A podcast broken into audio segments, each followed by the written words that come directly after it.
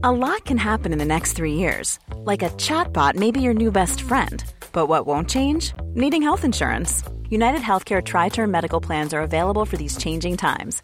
Underwritten by Golden Rule Insurance Company, they offer budget friendly, flexible coverage for people who are in between jobs or missed open enrollment. The plans last nearly three years in some states, with access to a nationwide network of doctors and hospitals. So, for whatever tomorrow brings, United Healthcare Tri Term Medical Plans may be for you. Learn more at uh1.com. There's never been a faster or easier way to start your weight loss journey than with PlushCare. PlushCare accepts most insurance plans and gives you online access to board-certified physicians who can prescribe FDA-approved weight loss medications like Wigovi and Zepbound for those who qualify. Take charge of your health and speak with a board-certified physician about a weight loss plan that's right for you. Get started today at plushcare.com slash weight loss. That's plushcare.com slash weight loss. plushcare.com slash weight loss. Quality sleep is essential. That's why the Sleep Number Smart Bed is designed for your ever evolving sleep needs. Need a bed that's firmer or softer on either side? Helps you sleep at a comfortable temperature? Sleep Number Smart Beds let you individualize your comfort so you sleep better together. JD Power ranks Sleep Number number 1 in customer satisfaction with mattresses purchased in-store. And now, save 50% on the Sleep Number limited edition Smart Bed for a limited time. For JD Power 2023 award information, visit jdpower.com/awards. Only at a Sleep Number store or sleepnumber.com.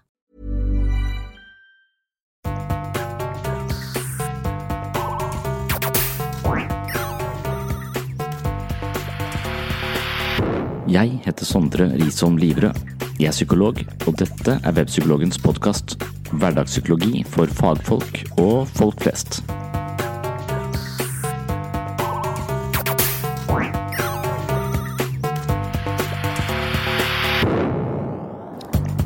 Hvis vi slutter å tro at det finnes en sannhet, eller noe som er mer sant enn noe annet, mangler vi et utgangspunkt for kritisk tenkning. Hvis alt er like sant eller usant, så er det umulig å kritisere makten, og da har vi gjort oss sårbare både for sjarlataner og tyranner. Velkommen til en ny episode av Sinnsyn.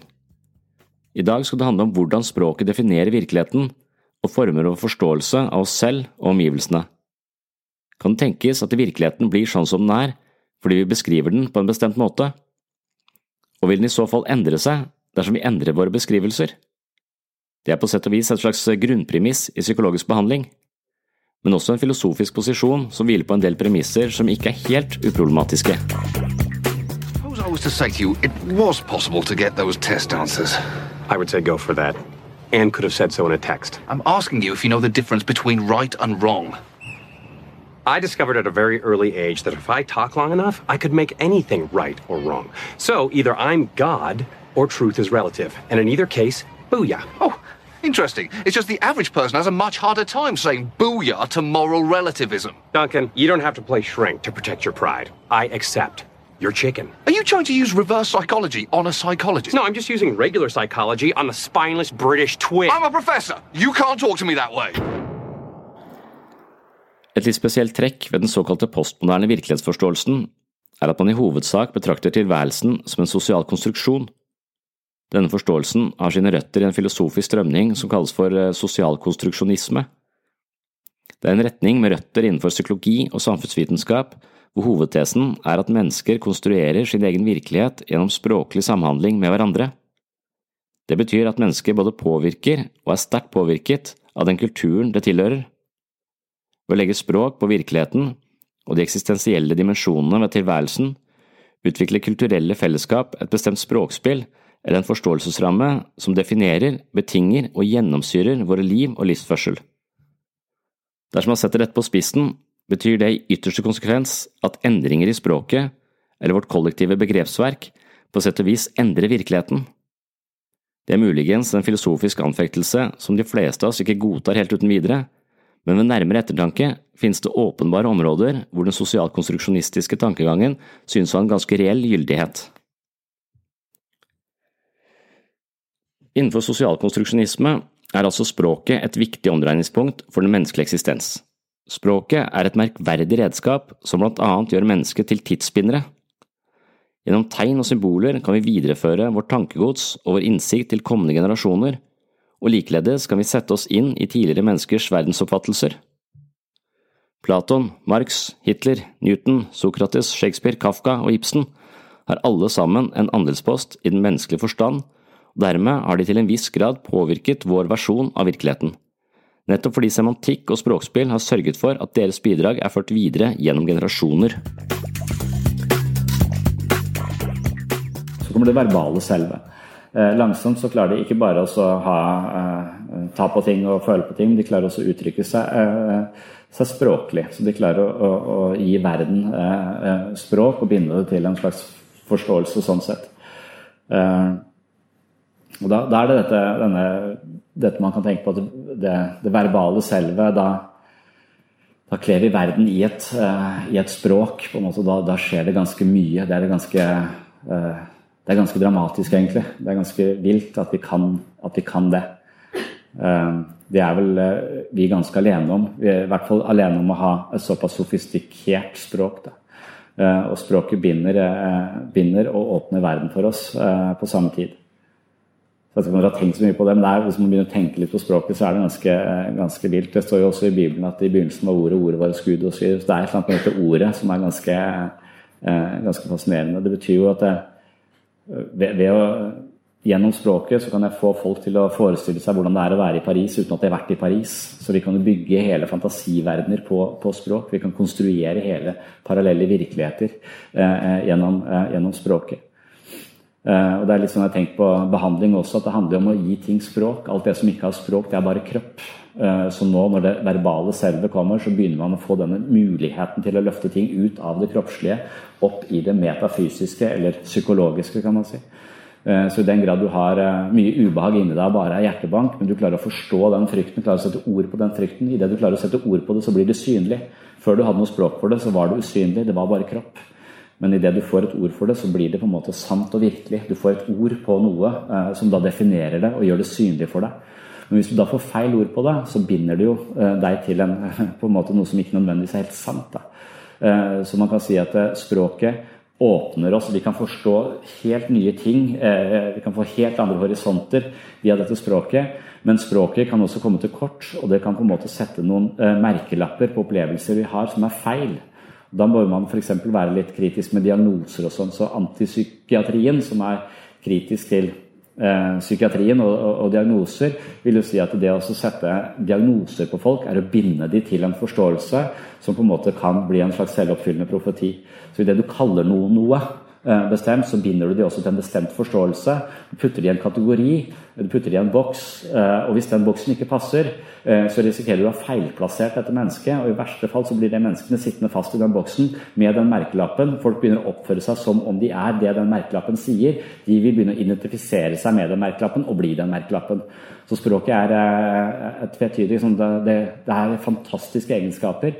Vi binder jo tid på den måten. altså det er kanskje det som gjør mennesker til mennesker, er at istedenfor å oppleve alt på nytt og erfare alt på nytt, så kan vi bare lese en bok og høre hvordan folk har gjort det tidligere. Så språket gjør at vi kan stå på skuldrene til kjemper. på en måte. Vi, vi kan hele tiden eh, vi kan bygge videre på det vi allerede vet, istedenfor å oppdage alt på nytt. Eh, for det språket binder tiden eh, for oss. Det gir oss masse gratis erfaring som slipper å erfare eh, på egen hånd.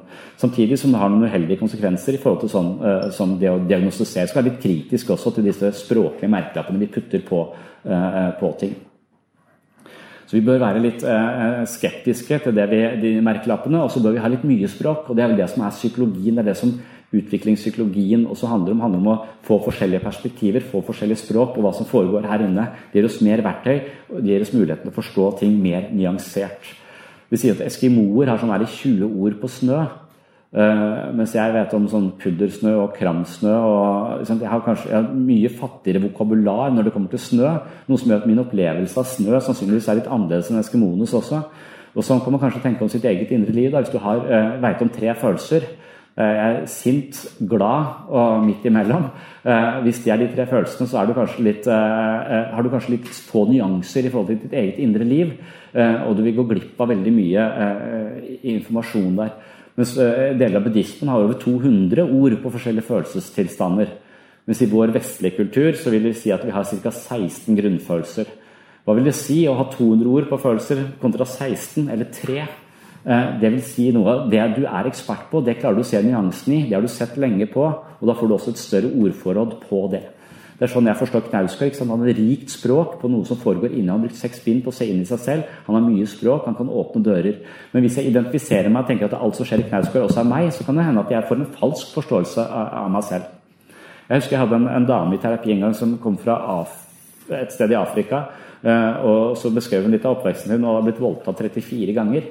Uh, og I min uh, forståelse av det å bli voldtatt 34 ganger, så er du liksom beyond metoo-kampanjen. Liksom, uh, da, da, har du så mye posttraumatisk stresslidelse i deg at det er et under at du kan stå på to bein.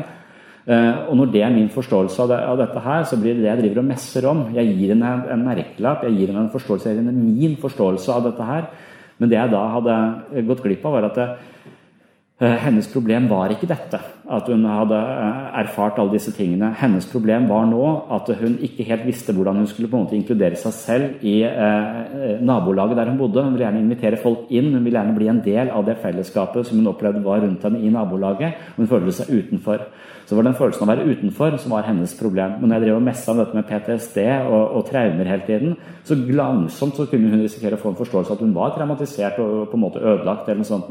Men, men når alt kom til alt, så viste det at eh, hun hadde ingen venninner eller folk hun hadde vokst opp med som ikke var voldtatt fra det stedet hun uh, hadde vokst opp. Så, så, så, for henne så var jo det uh, en forferdelig normaltilstand, men likevel en normaltilstand som ikke nødvendigvis skal kvalifisere for langvarig psykisk lidelse pga. PTSD. Mens problemet hennes handlet mye mer om hvordan skal jeg klare å nærme meg disse menneskene og bli en del av denne flokken. Eh, så, så, språket kan binde folk til forståelser. Hadde jeg gitt henne denne PTSD-diagnosen uten å tenke meg godt om, så kan det være at jeg hadde gitt henne et problem hun ikke hadde i utgangspunktet.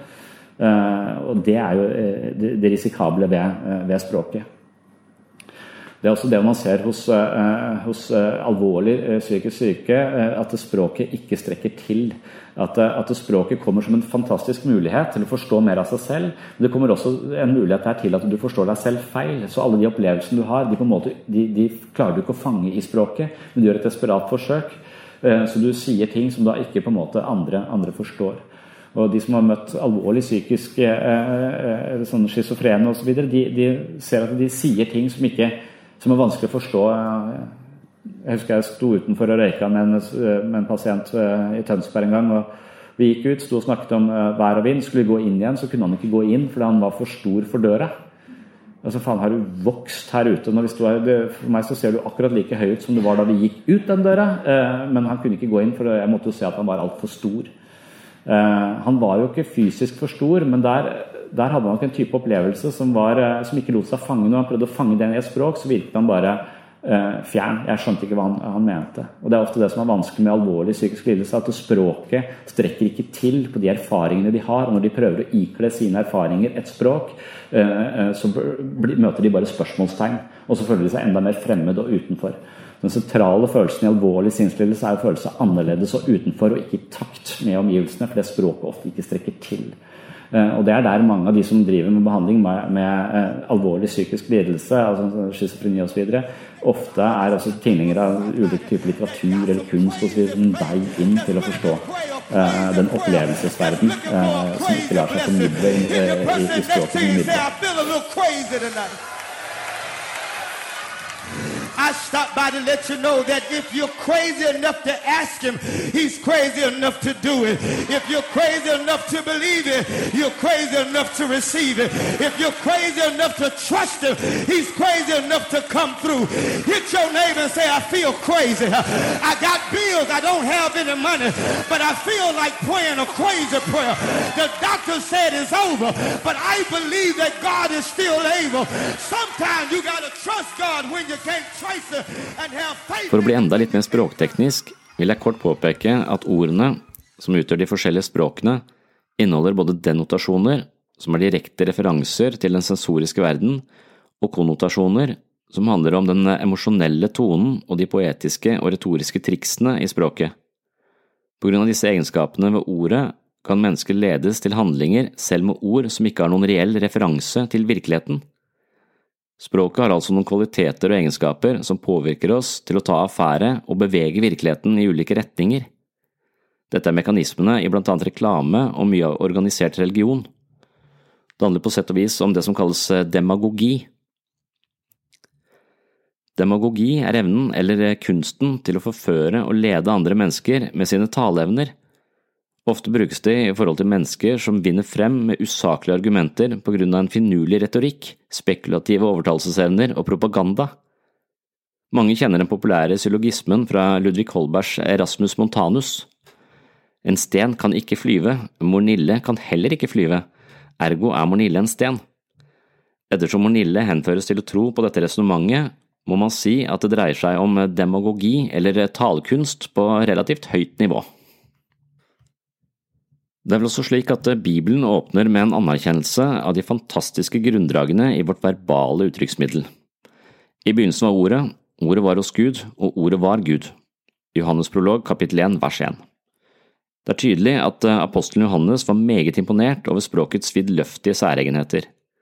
Språkets nesten ubegrensede muligheter var rett og slett så beundringsverdige at man tilskrev det guddommelig status, og med tanke på de ettertrykkelige gjennomslagskraften de bibelske skribentene har hatt på sin samtid og ettertid, er det ikke rart at ordet og språkets egenskaper oppfattes som sublime kvaliteter. På god vei inn i et nytt millennium har apostlenes formuleringsevner og skriftlige overleveringer fremdeles en kolossal innflytelse på våre menneskelige bedrifter. Den hellige litteraturen er 2000 år gammel, og likevel figurerer den som en levende forklaringsramme over store deler av verden. Hvor mange som er frelst, reddet ut av rusmisbruk og kriminalitet, hjulpet av medmennesker i Guds navn osv., har man sannsynligvis ikke tall på. Trolig finnes det heller ikke eksakte tall på hvor mange kvinner som er undertrykte, kriger som er utkjempet, kjettere som er drept, hekser som er brent, skjebner som er kvelt av skam og samvittighet over sine syndige impulser, og mennesker som har gått over lik for å beholde sin prektighet under Guds åsyn, og alt dette som følge av språklige og skriftlige videreformidling av gamle verdenssyn. På mange måter er det en selvfølgelighet at språket både åpner og tvinger våre virkelighetsoppfattelser i forskjellige retninger, og dermed utøver en ganske reell innflytelse på tilværelsen. Likevel er det de færreste av oss som tenker over dette i det daglige. Når vi imidlertid undersøker språkets finurlige vesen litt nærmere, viser det seg vitterlig at dette verbale redskapet nesten er litt magisk. Det både drifter og omsetter tanker, forestillinger og verdensbilder i lyd, som videre kan gjøre både små og store forskjeller i den menneskelige virkeligheten.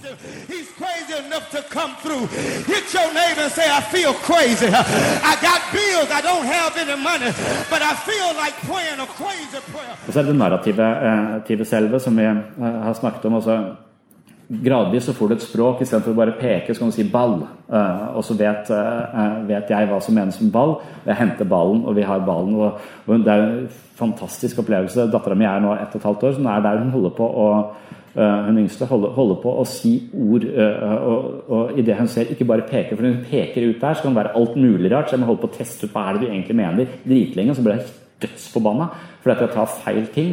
Men med en gang hun da får et språk og kan si ball, så bare 'Å, faen, ball, den!' Og så blir hun dritglad når jeg da kommer med ballen. Sånn kjempefornøyd. Se, jeg sa en lyd, og så kom den til eh, meg. Og da skjønner hun hvor fantastisk språket på en måte, eh, på en måte er.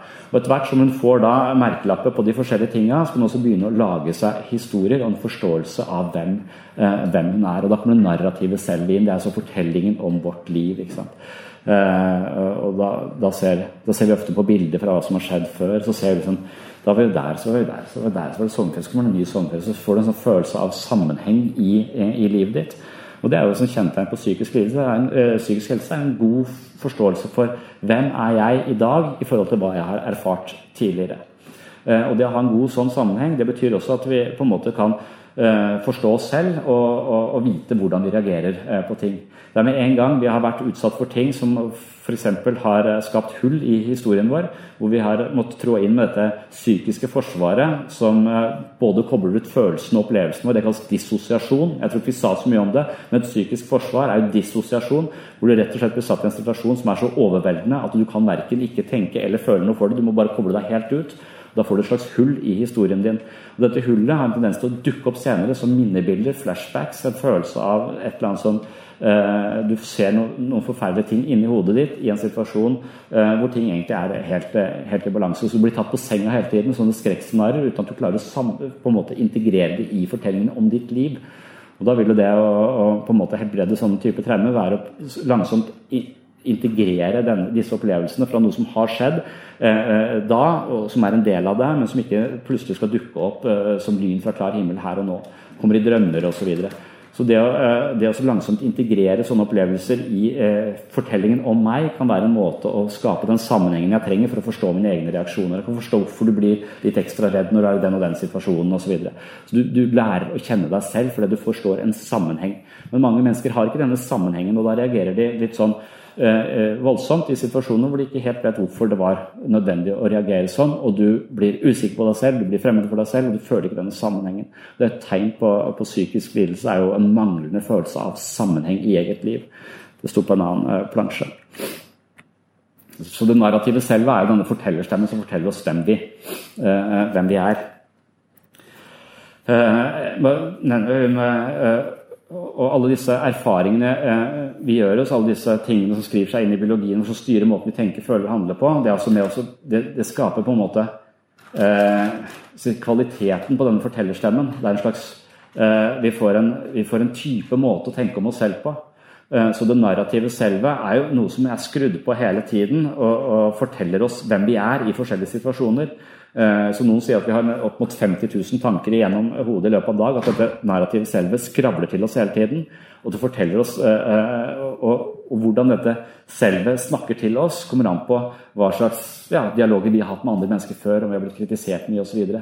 så Så vi har, alle har vår unike fortellerstemme om vårt liv. Og hvis det er en hyggelig fortellerstemme, så har vi ofte et godt liv. Hvis det er en negativ fortellerstemme som sier hele tiden at nei, dette er ikke godt nok, det var ikke bra nok, nå må du gjøre det litt bedre, nå ta det litt sammen, nå liker de deg ikke. Hvis du har sånne fortellerstemmer i livet ditt, det narrative selve er på en måte på, infiltrert av negativitet og selvkritikk, så vil du få et ganske vanskelig eh, eh, eh, liv. Og de fleste av oss, Noen sier at opp mot fire eller fire av fem tanker kan være ganske negativt innstilt mot oss selv. Uten at de hører de tankene, men de er hele tiden der og styrer oss. på en måte Styrer kvaliteten på opplevelsene våre. Dere får, får tak i hva jeg mener. med Kultur, en del begrep som artefakt, altså en kulturell gjenstand. Noe vi har laget, eh, diskurser. Noen, eh, noen, her vil også si at eh, språket vi bruker er også en kulturelt betinga ting. Man kan se for seg at det, det, engelske språket har en del tusen ord flere enn det norske f.eks. Hva vil det si hva, hvis det er språket som åpner verden og gir oss forståelse av verden? Vil det da være positivt å ha flere ord som skaper mer nyanser?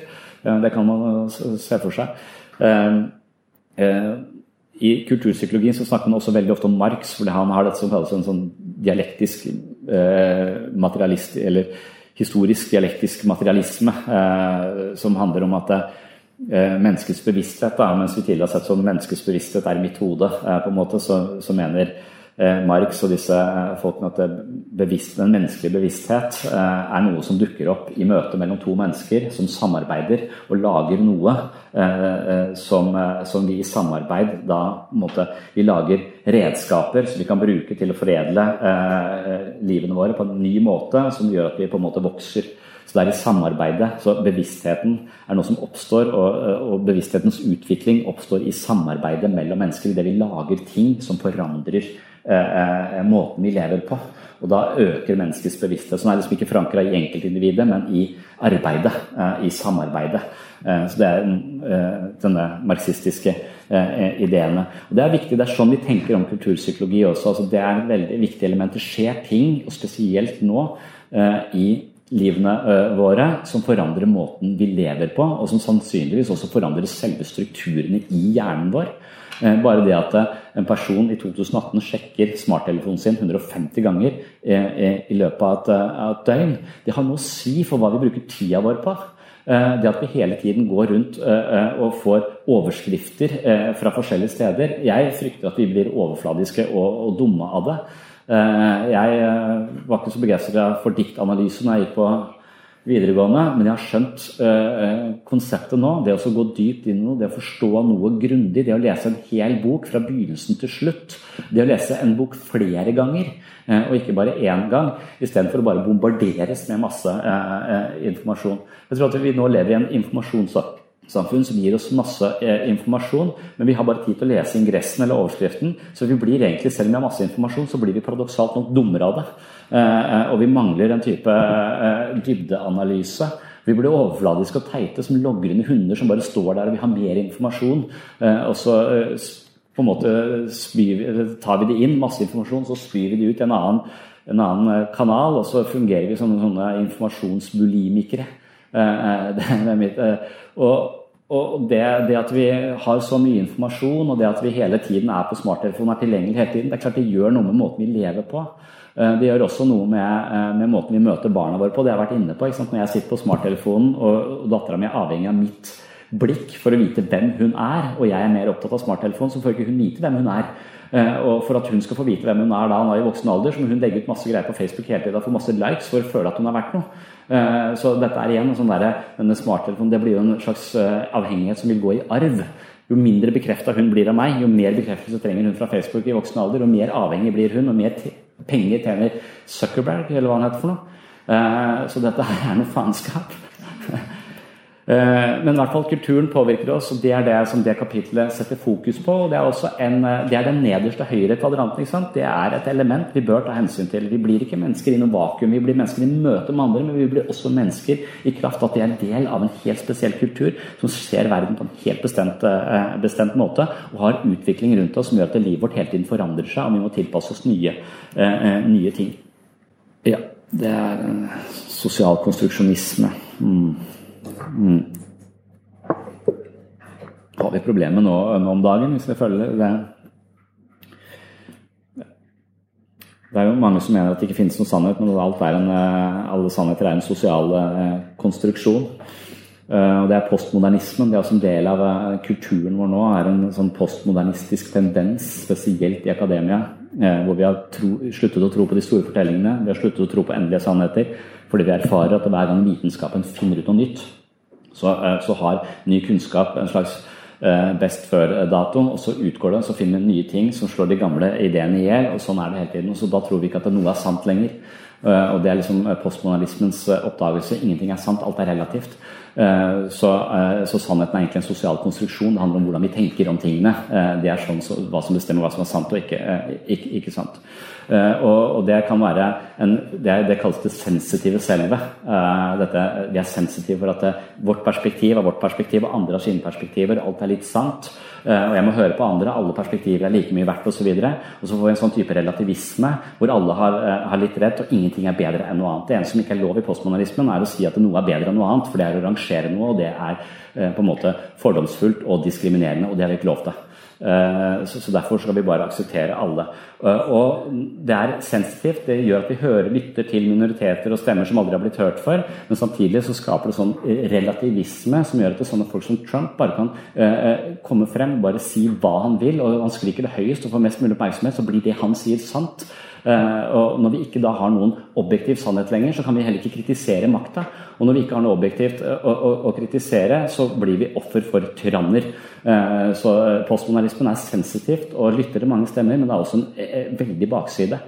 Og rent sånn fysisk i min hverdag, som jobber i helsevesen, så vil denne postmoderne holdningen hvor alle er litt redde, vi skal respektere alle osv., det gjør at vi har sånne personalmøter som varer en evighet, som å anses som vellykka hvis alle får lov til å si litt om hva de føler om saken. Men ingen kan, vi, kan på en måte, vi kan ikke bestemme hva vi skal gjøre, for det vil være å diskriminere noens synspunkter. Så vi blir sittende her og prate og prate og prate til vi dør av kjedsomhet, og jeg stikker en kniv i låret bare for å på en måte kjenne at jeg lever eh, i, disse, i disse møtene. Så postmodernismen må ikke være vårt siste eh, intellektuelle stoppested. Det er en slags hengemyr, er min eh, eh, opplevelse av det. Og det er livsfarlig når vi ser denne baksiden som nå viser seg i, i verden. I Trump, f.eks. Så alle sånne ting kan analysere ved hjelp av denne kulturpsykologien. Det er et spennende kapittel. Dere bør, bør sjekke det ut. In case you hadn't realized it has somehow become uncool to sound like you know what you're talking about. or believe strongly in what you're like saying. Invisible question marks and parenthetical you knows and you know what I'm saying have been attaching themselves to the ends of our sentences, even when those sentences aren't like questions. Declarative sentences, so called because they used to, like, you know, declare things to be true, okay? As opposed to other things that are, like, totally, you know, not. They've been infected by this tragically cool and totally hip interrogative tone. As if I'm saying, don't think I'm a nerd just because I've like noticed this, okay? I have nothing personally invested in my own opinions. I'm just like inviting you to join me on the bandwagon of my own uncertainty.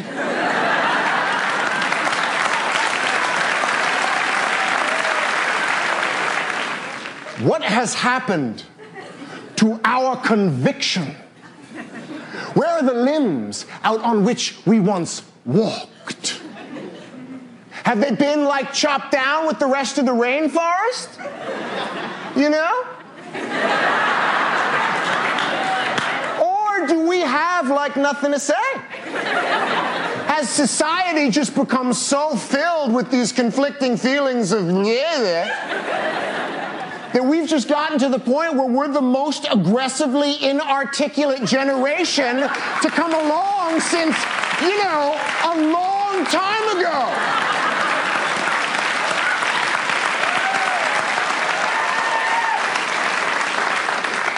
So I implore you, I entreat you, and I challenge you to speak with conviction to say what you believe in a manner that bespeaks the determination with which you believe it. Because contrary to the wisdom of the bumper sticker, it is not enough these days to simply question authority. You gotta speak with it, too.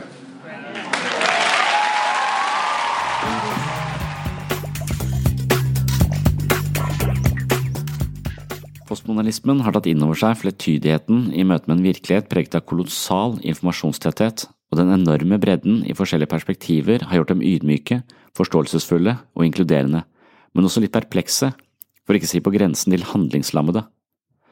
Det sentrale spørsmålet er om uhorvelige mengder informasjon er en berikelse, eller om det fører til kaos og katastrofe.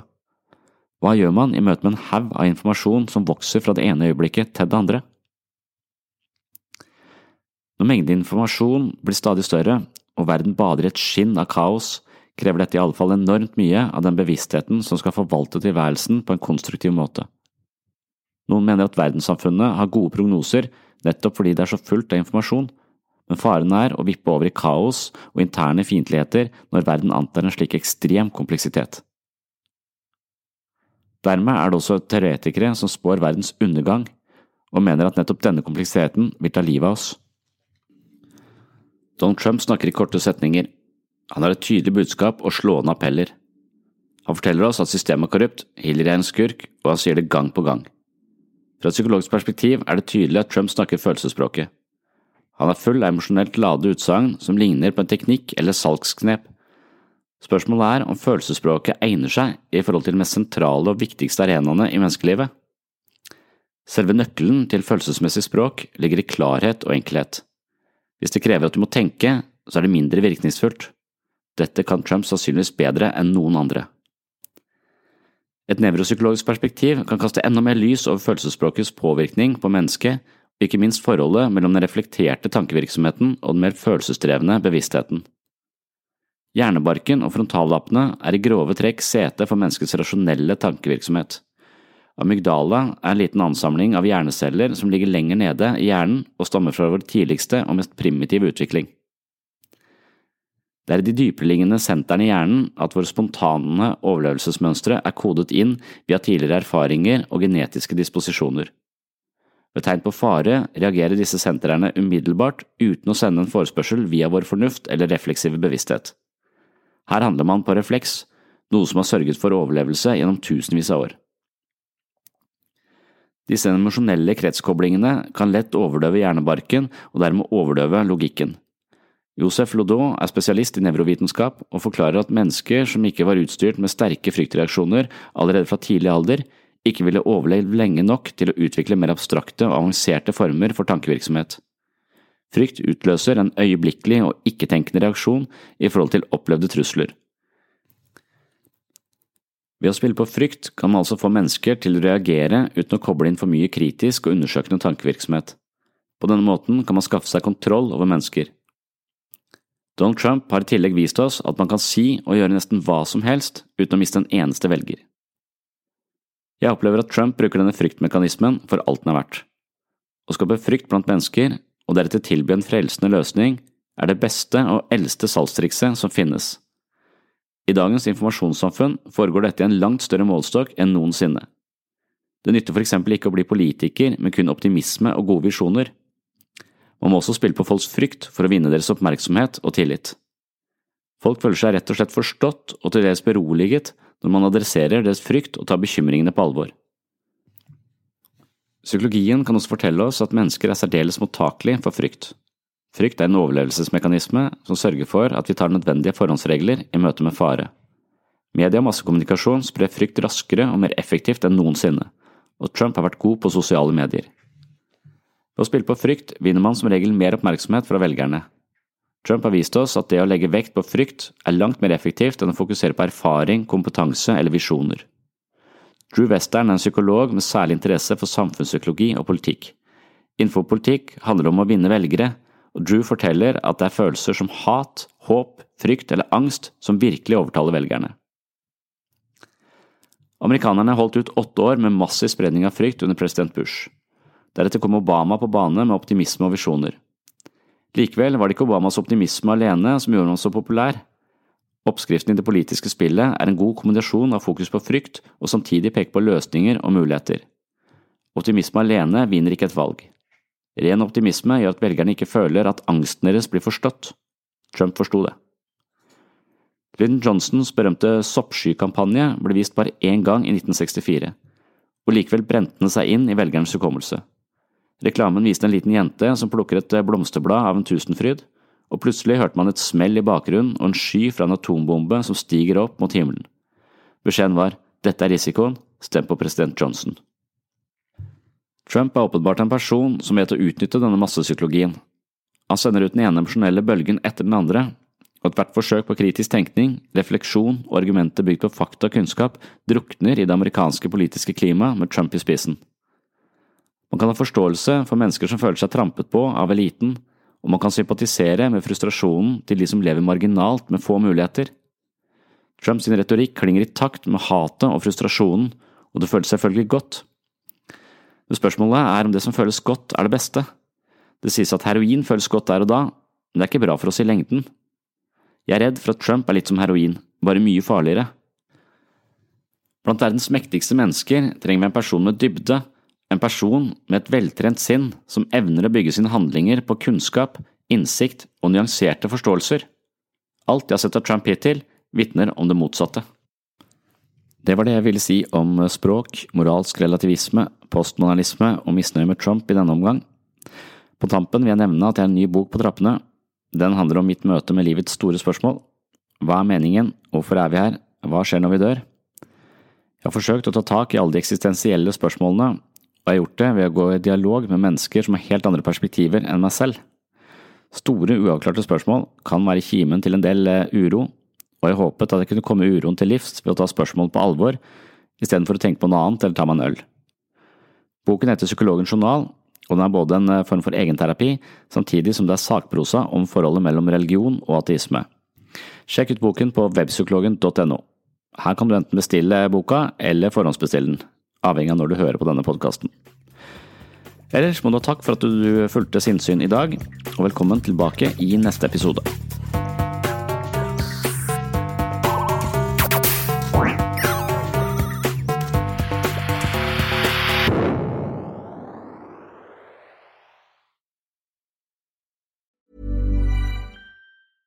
Ever catch yourself eating the same flavorless dinner three days in a row? Dreaming of something better? Well, HelloFresh is your guilt-free dream come true, baby. It's me, Kiki Palmer. Let's wake up those taste buds with hot, juicy pecan-crusted chicken or garlic butter shrimp scampi. Mm. Hello Fresh. Stop dreaming of all the delicious possibilities and dig in at HelloFresh.com. Let's get this dinner party started. Hey, it's Paige DeSorbo from Giggly Squad. High quality fashion without the price tag. Say hello to Quince. I'm snagging high-end essentials like cozy cashmere sweaters, sleek leather jackets, fine jewelry, and so much more. With Quince being 50 to 80% less than similar brands. And they partner with factories that prioritize safe, ethical, and responsible manufacturing. I love that. Luxury quality within reach. Go to quince.com slash style to get free shipping and 365 day returns on your next order. Quince.com slash style. Imagine the softest sheets you've ever felt. Now imagine them getting even softer over time. That's what you'll feel with Bowl and Branch's organic cotton sheets. In a recent customer survey, 96% replied that Bowl and Branch sheets get softer with every wash. Start getting your best night's sleep in these sheets that get softer and softer for years to come. Try their sheets with a 30-night guarantee. Plus, get 15% off your first order at bowlandbranch.com. Code BUTTERY. Exclusions apply. See site for details.